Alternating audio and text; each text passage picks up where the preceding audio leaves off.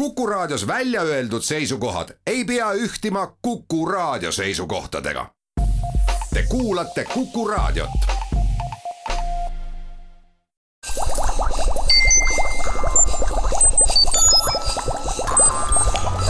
Kuku Õun head Kuku kuulajad, Kuku Õuni eetris mina saatejuht Marek Strandberg ja täna võtame vaatluse alla need lennukid, mida on püütud teha radaritele nähtamatuteks. Stealth või vargtehnoloogia eesti keeli. sellest oleme kutsunud rääkima lennunduseksperdi Peep Laugre. kui nüüd äh, küsidagi, et ega ju ennem radareid, radaritele nähtamatuks jäävaid lennukeid ju vaja polnud teha, milline see radaritehnoloogia algus oli ja millal tulid esimesed nii-öelda mõtted selle peale, et kuidas lennukeid, mida radarid ju hästi avastasid, nende jaoks nähtamatuks teha? Nüüd probleemid jah, lennukite avastamisega tekkisid juba ju Teise maailmasõja ajal, kui siis äh,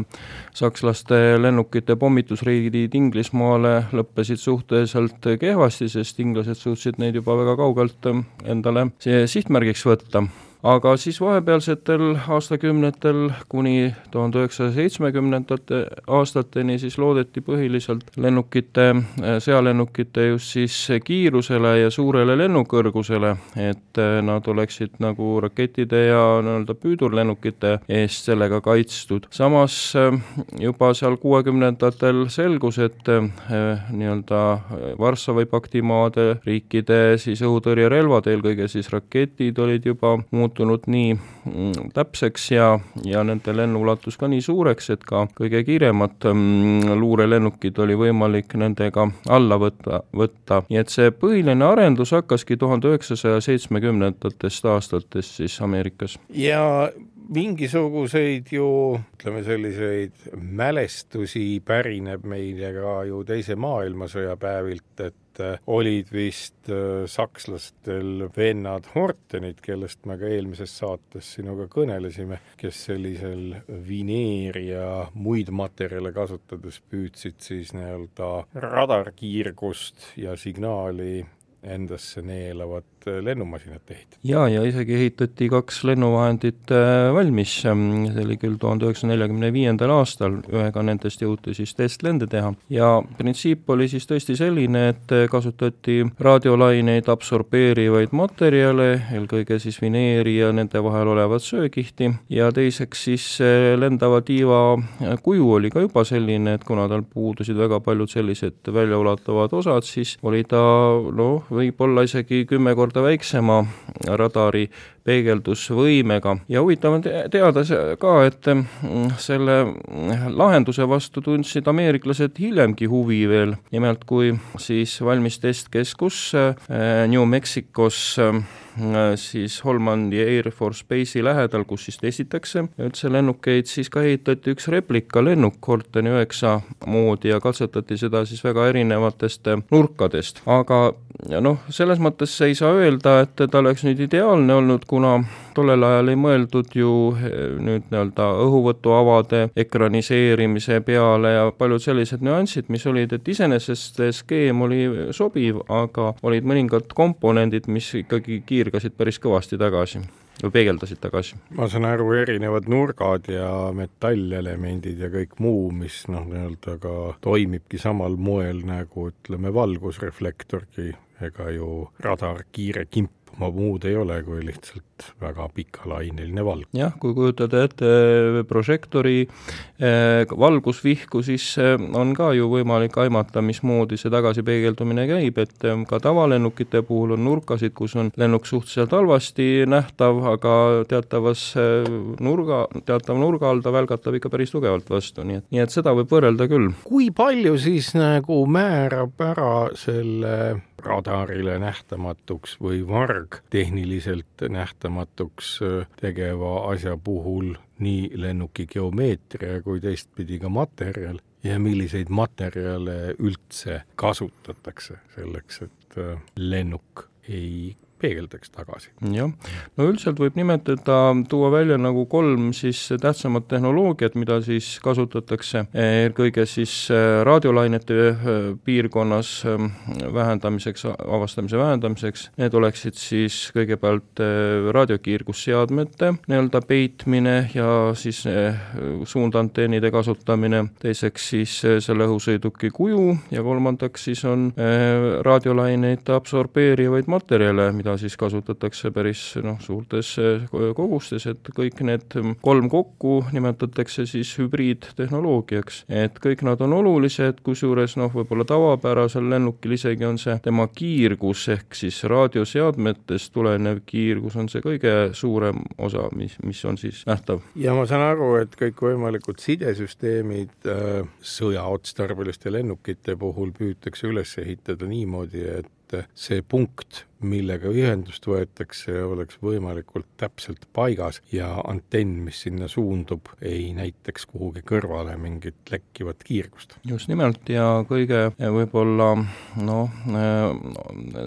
sellisem levinum on satelliitside kasutamine, et see tähendab, et ikkagi noh, üle saja kraadi on igas nurgas see erinevus, ükskõik kus see radar peaks võtma siis nii-öelda kosmosesse suunatud siis kiirtekimp. et äh, ma saangi aru, et see on siis nii-öelda tänasel päeval üks levinumaid sidevõtteid, noh teistpidi, et kui jälle öelda, et kui ka kosmosesse mingile tehiskaaslasele paigutada siis äh, sidet vaatlevaid süsteeme, siis teistpidi on ta ju sealtpoolt jälle väga lihtsalt avastatav või kuidas? sealtpoolt on tõepoolest avastatav ja ka näiteks ähm, AVAX seadmetega on, on äh, need nii, nii-öelda nähtamatud lennukid ülevalt poolt palju kergemini avastatavad kui siis altpoolt avaks on siis äh, üldine nimetus äh, sellistele radaritele, mis on paigutatud lennukite peale ja mis lendavadki väga kõrgel kõrgusel ja vaatavad asju, mida maa pealt vaadatakse alt üles, hoopiski ülevalt alla. no see on jah, äh, kõige selline tuntum nagu süsteem, ka venelastel on oma nii-öelda avaks olemas, mis on siis IL seitsmekümne kuue peal. Nende tegevusulatus on seal ikka kõva nelisada kilomeetrit, no on päris kaugelt äh, võimalik äh, vaadelda no ega vist nii ongi, et mida kõrgemale sa selle radari paigutad, kas mäe otsa või lõppkokkuvõttes võiks neid paigutada ju ka väiksemaid näiteks tuulikute otsagi, seda kaugemale õnnestub nendega vaadata. ammugi siis, kui ta on mingi mõneteistkümne kilomeetri kõrgusel lennukiturjal. põhimõtteliselt küll, jah. kas nüüd äh, see vargtehnoloogia, et et võimalikult vähe jätta endast mingit jälge, ma saan aru, mitte ainult raadioelektroonilist, vaid ka lõppkokkuvõttes soojusjälge, kui silmas pidada kõikvõimalikke tõrjerakette ja süsteeme. kas äh, see tekitab ka mingisuguse teistsuguse võtte mõtestikku siis õhulahingute jaoks või rünnakute jaoks? jah, peab ütlema, et ega võrktehnoloogia ei ole sugugi selline ideaalne meetod ja ka ütleme siin kõige moodsamad hävituslennukid ikkagi, kui nad on radarist võib-olla siin kümnekonna kilomeetri kaugusel, siis nad on ikkagi avastatavad just oma noh, suure noh, selle tõttu nad ongi lähedal, kuigi nende RCS võib olla väga väike, aga ütleme siis nii, et äh, see tehnoloogia võimaldab seda piiri, kus on võimalik siis lennuk avastada, kuskil kümme korda äh, väiksemaks teha, et kui tava, tavalennuk on vabalt kuskil kolmesaja viiekümne, neljasaja kilomeetri kauguselt äh, primaarradaritele nähtav, siis, siis vargtehnoloogial lennukitel võib see olla siin kümme, kakskümmend, kolmkümmend kilomeetrit, olenevalt siis tema asendist, nii et, et ta oluliselt siis väiksem võimalus avastamiseks sa kõnelesid primaarradaritest, siis on ilmselt olemas ka sekundaarradarid, mis nende olemus ja erinevus on? Sekundaarradarit kasutatakse siis lennuliikluse juhtimiseks ja sellisel juhul noh, kiiratakse küll lennuki poole nii-öelda impulss, elektriimpulss, aga siis vastav eraldi seade, transponder, vastab sellele oma signaaliga ja natuke teisel sagedusel, nii et mm, sellega on võimalik siis oluliselt suuremalt alalt sidet pidada, kuna see lennuk, lennuk vastab. primaarradar on selline klassikaline viis, kus siis kiiratud raadiosignaal peegeldub otseselt kõikidelt objektidelt tagasi, iseenesest mitte ainult lennukitelt, vaid ka linnuparvedest, päiksepilvedelt ja nii edasi. ja on veel kolmas liik radareid, need on siis passiivradarid. Need on siis nii-öelda uue põlvkonna radarid, mida alles arendatakse, aga seal ei olegi see kiirgusallikas otseselt seotud vastuvõtja antenniga, vaid püütakse ja analüüsitakse teisi, teistes noh, saatjate poolt välja kiiratud siis signaale, analüüsitakse neid ja siis püütakse selline pilt kokku panna. et sellised passiivradarid võivad siis tulevikus olla küllalt levinud, sest nende avastamine on omakorda väga raske. Ehk et kui mingi masin endast mingit jälgi ei jäta, siis ei saa teda ka põhimõtteliselt ju lahinguväljal hävitada. kui nüüd tulla sellesama Ukraina sõja juurde, siis kui palju selliseid passiivradareid võiks siis olla ühel või teisel poolel tänasel päeval kasutuses? no mina, minu teada passiivradarit alles arendatakse, näiteks Rootsis on üks projekt passiivradari arendamiseks, et see ikkagi on võrgutehnoloogia, selleks peab olema palju erinevaid siis jaamu, mis on omavahel ühendatud ja mm, siis ka need kiirgusallikad on üksteisest küllalt noh, kaugel. sisuliselt püütakse ju kinni kuskilt võib-olla saja kilomeetri kauguselt mingist suvalisest saatjast välja lastud signaali peegeldust, aga noh, need peavad olema hästi koordineeritud eh, sajandiku, miljondiku sekundi täpsusega. ma just mõtlen seda, et ega meil ju siin kogu aeg ümber midagi sumiseb ja kiirgab ja see muster on ju noh, üsna paigas. kas siis selline lahendus, et eh, juba olemasolevad raadiosignaalid äh, ja vaadata, kuidas nende peegeldumine ja käitumine siin erinevate lendavate objektide puhul on. et kas see ei ole siis täiesti piisav, et meil ongi hästi palju noh, kas siis raadiojaamu, mis töötavad niikuinii või kuhugi väljale laiali paisatud erinevaid äh, saatesüsteeme ja siis me hakkamegi seda pilti kokku noppima nende peegelduste pealt, mida me kinni püüda saame ja mis meil õnnestub. jaa, tõepoolest, et ähm, eh, kui nüüd üht, ühte sama signaali registreerida erinevatest, erinevate antennidega, eks ole, siis on ju võimalik selle, esiteks selle asi, allika asukoht, täpselt selle signaali nii-öelda hetk välja arvutada ja ka selle peegeldused, mis siis jõuavad tavaliselt natukene hiljem sellesse eh, vastuvõtja antenni, nii et sisuliselt eh, saab noh, iga antenn sellest ühest signaalist saab kaks signaali siis, kaks kaks peegeldunud või üks otse, teine siis peegeldunud signaal ja nende siis analüüsi teel on võimalik eh, noh, leida, leida siis lendav objekt üles, kuigi see süsteem noh, nõuab veel kõvasti arendamist, ta ei ole sugugi täpne, nii et, et sellega on seotud jah, palju veel probleeme. ja täna siis on niimoodi, et ma saan aru, et ega ju vist, kui su juttu kuulata, siis äh, asjaolu, et üks või teine lennuk on väga hästi vargtehnoloogiliselt varustatud, ei tähenda seda, et see lennuk võiks üksi ja ilma avastamist kartmata lihtsalt taevalaotuses ringi lennata ja end nii-öelda vastaseta olukorras tunda. lennundusega on sama lugu, mõistan ma ääri-veeri, et kui tankide või muude masinatega, kus edu saavutataksegi ju erinevate tehnikate koos mõju tulemusena, mitte ühe valikulise kasutamise tulemusena. täpselt nii, sellepärast et äh, lisaks sellele tehnoloogiale on ka tarvis ähm, siis äh, taktikalisi meetodeid äh, lennukitel või õhusõidukitel laiemalt kasutada selleks, et jääda siis märkamatuks ja kõige levinum on siis selline maapinnalähedane lendamine, ehk siis kõrgustel kolmsada jalga ehk sada meetrit ja alla selle, isegi viiskümmend kuni sada meetrit, nii et kui kuulajad on näinud neid videokaadreid, olid äh, Ukraina sõjas, siis äh, seal on ka selgelt näha, et nii helikopterid kui lennukid lendavad seal väga väikestel sisuliselt puulatvade kõrgustel see on kõik selleks, et siis vältida mm, radarite poolt avastamist, et jääda väljaspoole seda nii-öelda raadiohorisonti, mis kaasneb siis iga äh, radariga, ehk siis mida kaugemal või mida madalamal see objekt on, seda lähemal on ka see raadiohorisont. nüüd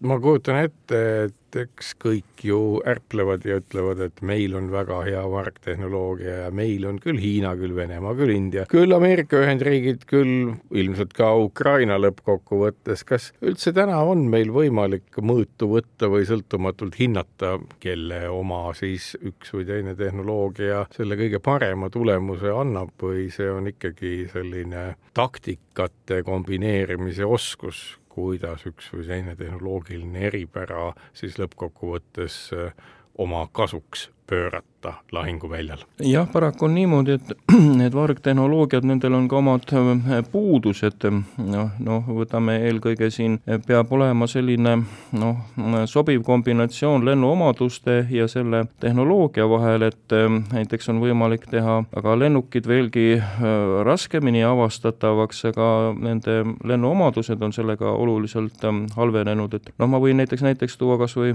F sada seitseteist Nighthawk, mida siis ka kasutati näiteks ähm, siin Balkani sõdade ajal, mis on äh, väiksema äh, siis radarijäljega, kui on praegu näiteks F kolmkümmend viis või, või siis F kakskümmend kaks, aga tema puhul, miks ta relvastusest maha võeti, oligi tee, probleem selles, et tema lennuomadused äh, halvenesid niivõrd kehvaks juba, et teda oli võimalik kasutada ainult siis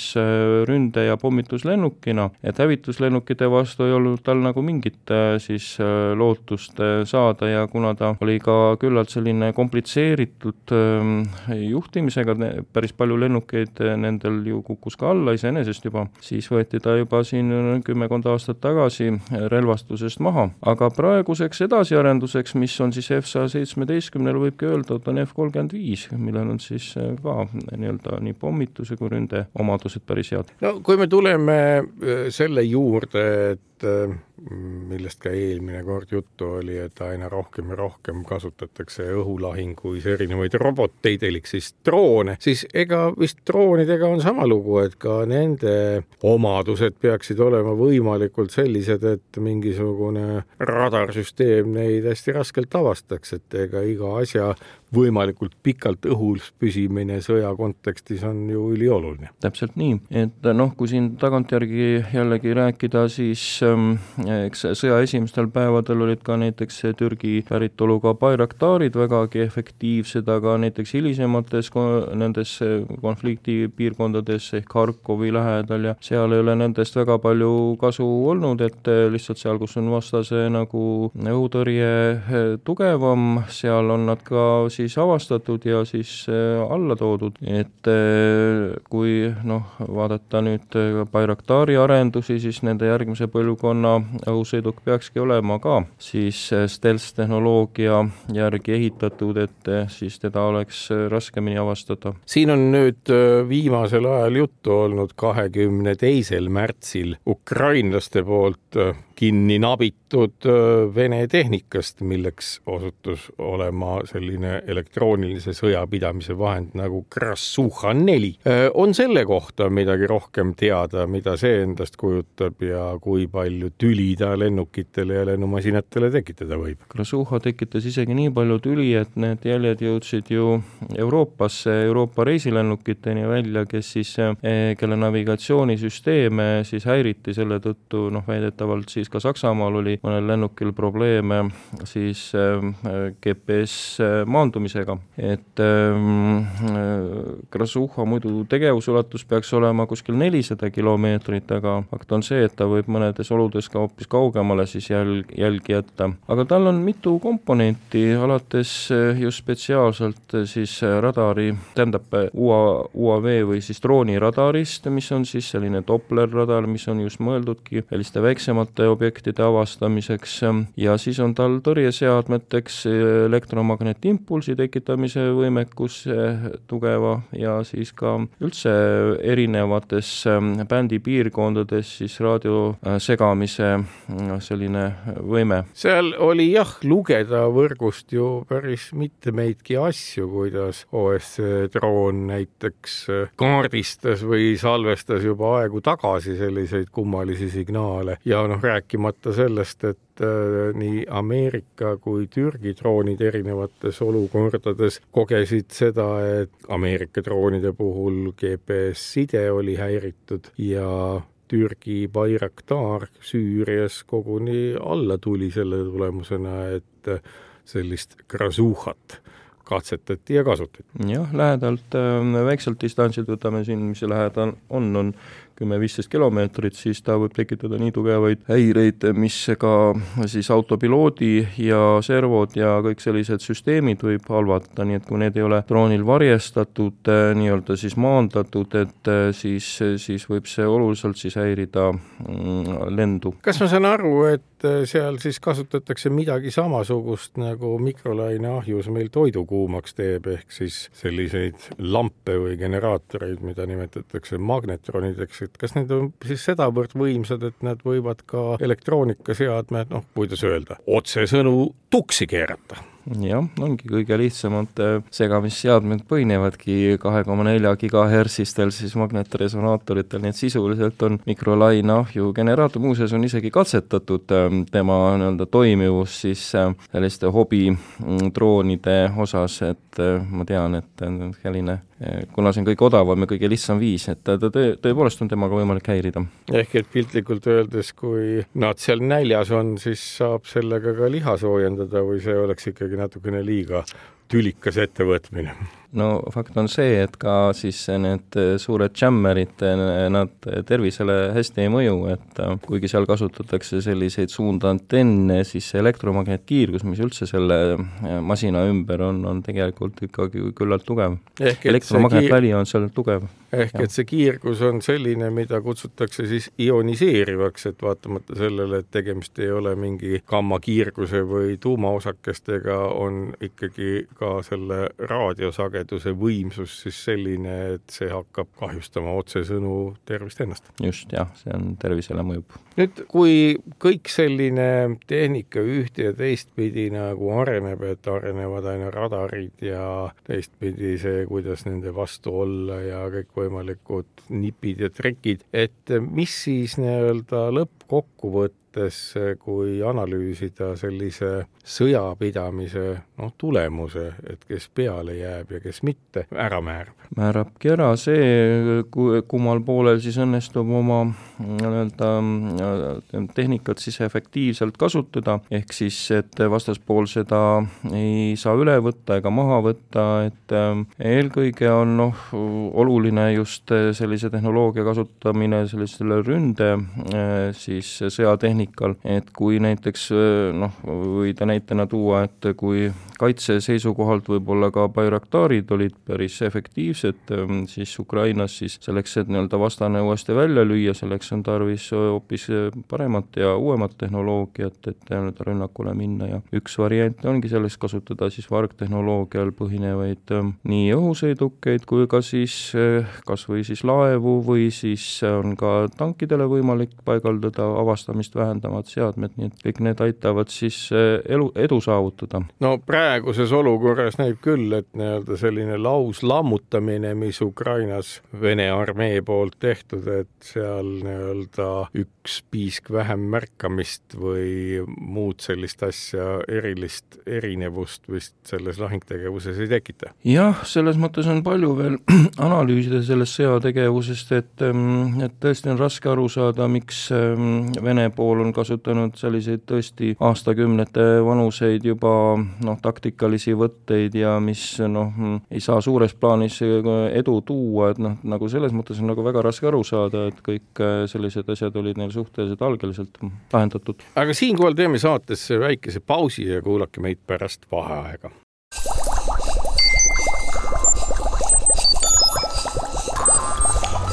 kukkuv õun kuku Õun taas eetris, mina saatejuht Marek Strandberg ja kõneleme lennundusekspert Peep Lauguga neist lennukeist, mis ehitatud sellisteks, et need radaritele nähtamatud. küsingi siin, et Ukraina konflikt on näidanud, et väga paljud Vene sõjamasinad lihtsalt pilbasteks lastakse ühel või teisel põhjusel, põhiliselt soomustehnika. kui me nüüd püüaksime võrrelda näiteks sellist udupeent äh, lennundustehnoloogiat, nagu on hävitajad F kolmkümmend kakskümmend viis ja muu selline, pannes teisele poole siis Vene olemasolevad tehnilised lahendused õhusõidukite valdkonnas, et mida see võrdlus meile annaks ja nii-öelda kumb pool siis eh, peale jääda võiks ühel või teisel tingimusel? no äh, kõige, kõige rohkem on ikkagi tehnoloogiad, mis võimaldavad siis vähendada äh, nii selle õhusõiduki infrapunajälge, siis raadiomagnetsageduse piirkonnas ja lõpuks ka siis müra, ka müra on küllalt oluline, et seda siis vähendada, et nende kolme siis kombinatsioon, aga mis on nüüd ka selle nii-öelda kõige levinumate siis äh, hävitus, äh, varghävituslennukite võib-olla puudusteks on see, et äh, on terve selline mitu ütleme, lennuosa, kus nad on tegelikult küllaltki mm, hästi märgatavad, näiteks õhus tankimise ajal on siis lennuk hästi nähtav, täpsemalt öeldes on just nimelt see tankurlennuk väga suurepäraselt ja suurelt nähtav, et ähm, ja teiseks noh, on ütleme, kõikvõimalikud, kui on pommiluugid avatakse või siis telik välja-sisse, nendel momentidel on ka lennuk on küllalt hästi nähtav ja üldse hoolduse osas peab ütlema, et kui tavalisel lennukil väike kriim näiteks tiiva all või tiiva peal või noh, oluliselt ei mõjuta tema lennuomadusi, siis stealth-lennukitel võib ta täiesti ootamatult äh, nähtavaks ta muuta. näiteks võtame, kui mingi kildmürsu äh, tabamus on, mingid vigastused, mis noh, lennu ohutust võib-olla ei mõjuta, aga samas hetkega võib olla see lennuk väga hästi radarite poolt märgatav. nii et äh, väga heades tingimustes tuleb seda le lennuvahendit siis hoida ja, ja siis ka vältida kõikvõimalikke vigastusi ja kriimustusi. Eget, ma saangi aru sellest, et ega tänapäeva sõjas, noh, tegelikult ei ole ju kunagi olnud, et ei ole olnud väga edukat vaid ratsaväel põhinevat armeed ja nii edasi, nii edasi, et äh, tänasel päeval on ka tegemist ikkagi sellise loomupärase taktikalise kombinatsiooniga, et kõik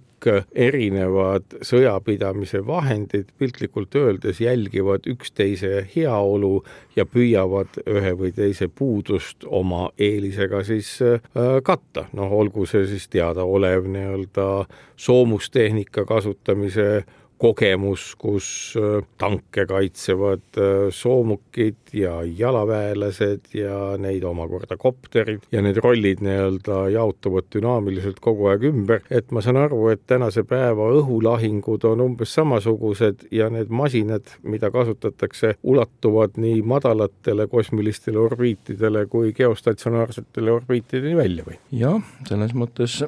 on täiesti õige, et on ka kosmoseväed olemas ju, mis siis Äh,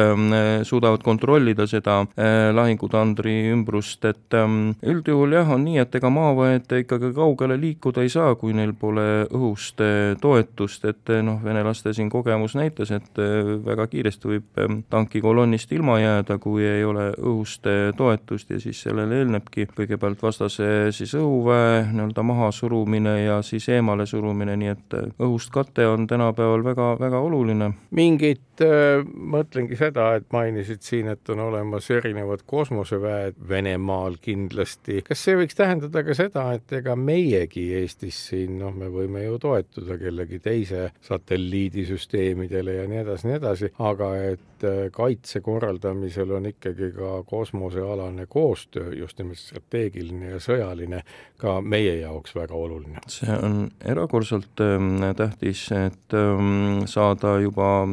kõrgelt ja kaugelt pilt ähm, sellest piirkonnast, mis seal toimub ja noh, isegi suuremas mastaabis, et eh, kuidas on nende vägede varustamine, eks ole, kuidas kõik see toimub ja sellest on väga selgelt võimalik näha, mis on siis vastaspoole nii-öelda nõrgad eh, siis kohad, vastavalt sellele siis oma vastuplaan eh, siis teha. no sellest Krassuhast rääkides, see kaugus tõesti on mitusada kilomeetrit ja, ja tulebki välja, kui seesama meenutada seda nii-öelda ameeriklaste luuredrooni lugu, kus siis sellise tehnika abil ilmselt segati ka GPS-iga asukoha määramist, ehk et nende nende süsteemide mõju ulatub ikkagi väga-väga kõrgele kosmosesse välja. no sisuliselt on ju tegemist ju vale satelliidiga, näiteks on ju võimalus, et nii-öelda näiteks vastaspoole satelliit siis võtab kasutusele samad sagedusvahemikud, nagu on GPS satelliidil ja seetõttu juba noh, sellega on võimalik tekitada päris suur segadus. vot aga noh, mis puudutab nagu tavalise tsiviillennuliikluse puhul, siis seal on ka kasutusel vanemad ja seetõttu ka nagu läbiproovitud süsteemid, ütleme siis raadiomajakatel põhinevad süsteemid, et idee järgi ikkagi, kui kõik äh, muud süsteemid äh, tsiviillennukil töötavad, siis see GPS-side äh, ei ole niivõrd määrav, mis siis võiks otseselt põhjustada mm, selle lennu nii-öelda ümbersuunamise või üldse ärajätmise, nii et, nii et GPS on jah, üks, üks variantidest ainult. no merenduses ma tean, et ja nii-öelda raadiomajakad on olemas ja lennunduses ka jätkuvalt siiamaani on nad nii-öelda alternatiivi juhina ja kõikides navigatsioonisüsteemides siis sisse kavandatud. täpselt nii, NDB majakad on need, ähm, Eestis on neid ja tegelikult on nad üle kogu maailma, et nende järgi on võimalik väga-väga äh, hästi navigeerida nüüd, kui tuleme jälle nende nii-öelda äh, sõjapidamise lennukmasinate juurde tagasi, siis kõike seda, mida me täna rääkinud oleme, arvestades, et mis siis nii-öelda sellise kaitse- või ründealase lennunduse tulevik üldse endast kujutada võib, et kui palju peab lennumasinas inimene sees istuma, kui palju tuleb kasutada täiesti roboteid ja milline see pilt tänasel hetkel on, mida siis nii-öelda lennundusvaldkonnas kõneletakse ja ennustatakse? Et võib-olla on kuulajal huvitav teada, aga päris palju sõjalennukeid ja kopterid on ümber ehitatud mehitamata variantideks. noh, võib välja tuua näiteks Kaman eh, topeltrootoriga siis helikopterid, mida Afgaanis juba kasutati eh, transportimiseks, et eh, sellised kohad, kus on nagu, pole kontrolli õhu, õhutõrje üle, sellistesse kohtadesse ka siis ei julgetagi saata mehitatud ähm, siis äh, transpordilennukeid või koptereid. Ja siis näiteks äh, ka on näha, et äh, ka tavapärased hävituslennukid F kuusteist või F kaheksateist on siis ümber ehitatud mehitamata variandiks, kusjuures nad suudavad grupilennul väga täpselt hoida oma asendid nii-öelda, et et on mehitamata ja mehitatud, siis äh, lennukid näiteks grupis võivad lennata äh, täitsa perfektselt. et see on kindlasti üks tuleviku lahendusi, sellepärast et, et äh, esiteks noh, on üldse väga raske suurtes konfliktides saavutada sellist ülemvõimu õhus, mis oleks nii-öelda üle üheksakümne protsendi, et noh, kui on võrdsed vastased, siis, siis on see noh, üks, üks võimalik võimalikke variante, et üldse siis äh, oleks võimalik mõned oper-, operatsioonid üldse ette võtta. nüüd lennumasinaid on ju vanemaid ja kõik nad on noh, moel teisel ju ikkagi sõidukorras ja kasutatavad, et kas siin kehtib umbes samasugune reegel nagu väga paljude muude relvasüsteemide puhul, et kus siis täpsem sihtimisvõimekus annab selle, et üsna vanad nii-öelda laskeriistad saavad uue elu. kas see tähendab seda, et põhimõtteliselt kogu see lennukite arsenaal, mis olemas, võivad siis omandada hoopis uue tähenduse, kui nendele isejuhtivad süsteemid peale paigaldada ja muuta nad nii-öelda käepäraselt droonideks? põhimõtteliselt see on võimalik, seda on ju isegi ameeriklased ju juba kasutavad ja katsetanud, et, et, et, et mehitamata siis äh, võib-olla neljanda põlvkonna hävituslennukite kasutamine. sest noh, mis peab ütlema, on see, et äh, ega see, et äh, me praegu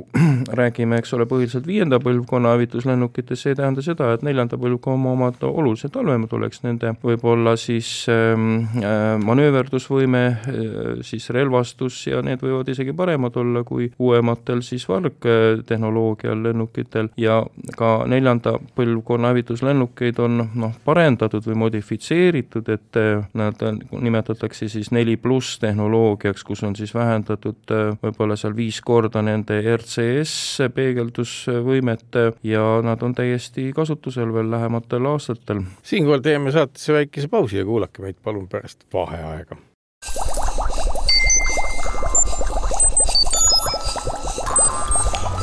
Kukkuv õun head Kuku kuulajad, Kuku jätkub. mina saatejuht Marek Strandberg, külas Peep Lauk, lennundusekspert. oleme kõnelenud radaritele nähtamatutest lennukitest ja üks küsimus, mis paratamatult kerkib, on Eesti ja meie võimalused selles valdkonnas. me ju ehitame siin erinevaid droone ja muid masinaid, et kui keerukas siis on nagu ehitada selliseid lennumasinaid, mis on veelgi kiiremad kui need droonid ja et kas nii-öelda droonide ehitamise kogemusest ja kõikvõimalike autonoomsete soomukite ehitamise kogemusest kasvaks välja ka midagi sellist, et me võime öelda, et äh, päris mitmes relvastusvaldkonnas on meil endal pädevus ja võimekus ehitada mitmesuguseid masinaid, sealhulgas ka väga kiirelt lendavaid ja radaritele nähtamatuid lennumasinaid või see eeldab ikkagi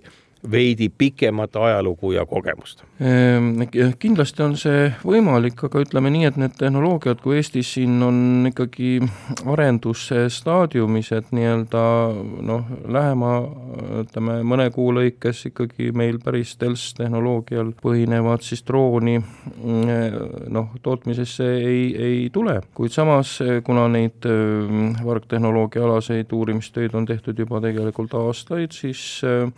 on see lähiaastatel kindlasti üks võimalikke lahendusi isegi küllaltki vajalik lahendus, sest ähm, noh, tuleb arvestada sellega ka, et äh, kõige selliseid uuemaid tehnoloogiaid ju kohe äh, ei saadeta siia meie kui NATO riigi või Venemaaga piirneva NATO riigi siis kaitsmiseks, et, ähm, et mõnes osas tuleks nagu ise siis arendusi teha, et ähm, oleks võimalik neid kiiresti kasutada vajadusel. no siin siin on ju kujunemas selline mõnes mõttes ju täiesti viljakas pinnas kõikvõimalikele relvasüsteemidele ja muule, et nõudlus on suur, kui palju lihtsalt nii-öelda kohaliku toodangu ja juba kogetud ja teadaoleva globaalse toodangu vahel see tasakaalupunkt leida, see on vist peamine küsimus jah, ja noh, tuleb ka arvestada, et kõik vargtehnoloogia all olevad siis lahendused on ju väga kallid, et ähm, võtame, kui Soome plaanib osta F kolmkümmend viis hävitajaid, siis see ei ole sugugi nii-öelda järgmisel aastal, vaid selleks läheb aastaid, kui nad saavad nii-öelda ühe-kahe kaupa need lennukid ähm, kätte, et ähm, et tulenevalt sellest, et need on tõesti väga kallid ja teiseks ka noh, järjekord on nende siis ostmise juures. praegu ma saangi aru, on selline järjekordade tekkimise aeg, kuna nii-öelda sõjaoht vaatab kõikidele kuhu iganes ilmakaares ka pead ei pööra ikkagi otse näkku ja see on muutnud äh, väga paljude riikide investeerimisstrateegiaid just nimelt nagu kaitse otstarbel. Äh, kõnele, kas, kas sinu silma alla on jäänud ka midagi täiesti sellist uut ja fantaasiarohket, mille peale nii-öelda tavakontekstis väga sageli ei mõelda ja millest ütleme õhulahingute või ka kosmoselahingute jaoks, mis on vist õige pea ka tekkimas, äh, nende jaoks mingit äh, äh, uuemat tehnikat võiks välja sündida no võib-olla, mis minu jaoks eh, näeb eh, väga selline perspektiivikas, on siis eh, seda nimetatakse ingli-, inglise keeles loitering munition ehk siis ütleme siis lau-, liu-, mitte liuglev, vaid uitav, uit-, uitmoon, et uitmoon jaa, et ja väga perspektiivikaks, kui noh, võtame praegu, neid tootjaid on palju, lisaks siis siin võib-olla kõige tuntumatele Ameerika tootjatele, Aaron Virainmant, eks ole, siis äh, oleks selline arendus, mis, millega oleks võimalik äh, neid relvi, nende lennuulatust ja nende lennukestust oluliselt suurendada, et nad saaksid nii-öelda kas või vastaspoole õhuruumis siis äh, tunde ringi lennata, otsida endale seda sihtmärki. Ja kui seda sihtmärki ei leia, siis nad võivad ka noh, lõhata ennast, et ei satuks siis vastase kätte, et, et, et selles valdkonnas näeks näeks küll suurt ähm, arenguperspektiivi. ehk et nii-öelda kui tekib konfliktioht, on õhk siis nii-öelda sellistest pommiparvedest piltlikult öeldes paks ja need siis ise otsustavad või saavad mingi signaali, et kas nüüd rünnata midagi või mitte. kas need lihtne sihtmärk ei ole siis mingisugusele noh, nagu nagu üsna lihtsale relvasüsteemile või see nipp ongi selles, et kui nad on samaaegselt ka vargtehnoloogiliselt loodud, siis me lihtsalt neid ei näe. Jah, kuna nad on mõõtmetelt ähm, suhteliselt ähm, väiksed ähm, võrreldes siin tavapäraste selliste noh, suurte droonidega nagu siis Predator ja Reaper ja siis juba oma nii-öelda suurusest tulenev RCS jälg on nendel suhteliselt väike. ja no näiteks võtame, kui siin testiti ameeriklaste sellist relva relvasüsteemi nagu STB, Small Diameter Bomb. see on ka väiksed tiibraketid, aga planeerivad siis, siis nende jälg on samas suurusjärgus nagu radarijälg, nagu oli siis F saja seitsmeteistkümnel, nii et tänu oma väikestele mõõtmetele siis ja noh, osadel nendel on ju, eks ole, nii elektrimootor kui siis võimekus kuni nelikümmend minutit lennata, et äh, aga siiski nende jah, nähtavus või avastamis äh, ütleme siis, täpsus on suhteliselt väike. nüüd äh, ma kujutan ette, et üks nagu peamisi küsimusi, no või vaadata näiteks Euroopagi poolt, on ikkagi see, et milline see koostöö olla saab, et kõik uuemad ja paremad relvasüsteemid luua, sellepärast et siiamaani on ju üks või teine riik ise midagi teinud ja püüdnud teistele müüa, kas sinu nägemuses mingit sellist ühistegevust äh, relvastumisel, kaitserelvastumisel ja julgeoleku parandamisel võib ette näha või see on ikkagi selline äh, mõnes mõttes nagu ette ära jaotatud maailm mm,? Noh, siin on omad keskused, on siin ähm, Euroopa kaitsetööstus, eks ole, äh, on Airbus Defense, eks ole, kus on siis, toimub äh, väga selline äh, intensiivne arendustöö. ka nendel on sellised vargtehnoloogial põhinevad luurelennukid, nagu siis ameeriklastel põhimõtteliselt olemas, kuigi noh, pole selge, kui, kui suures ulatuses ulatuses neid veel nagu toota suudetakse, et ähm, koostöö on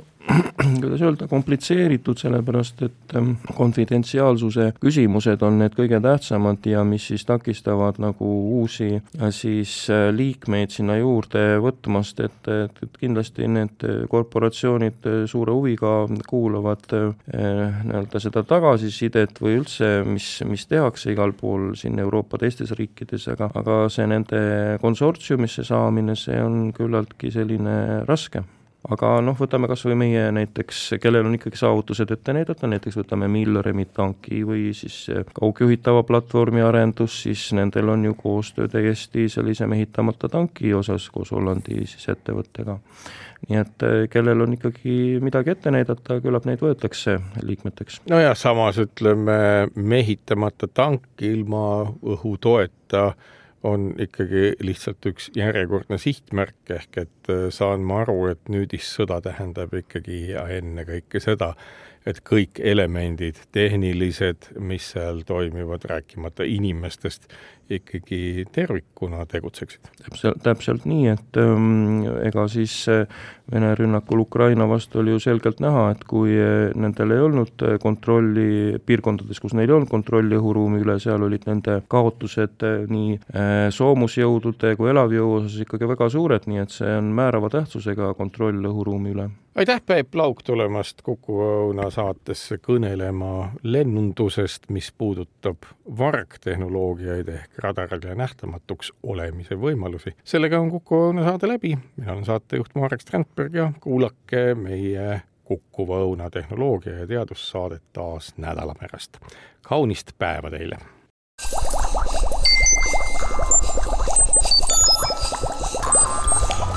kukkuv õun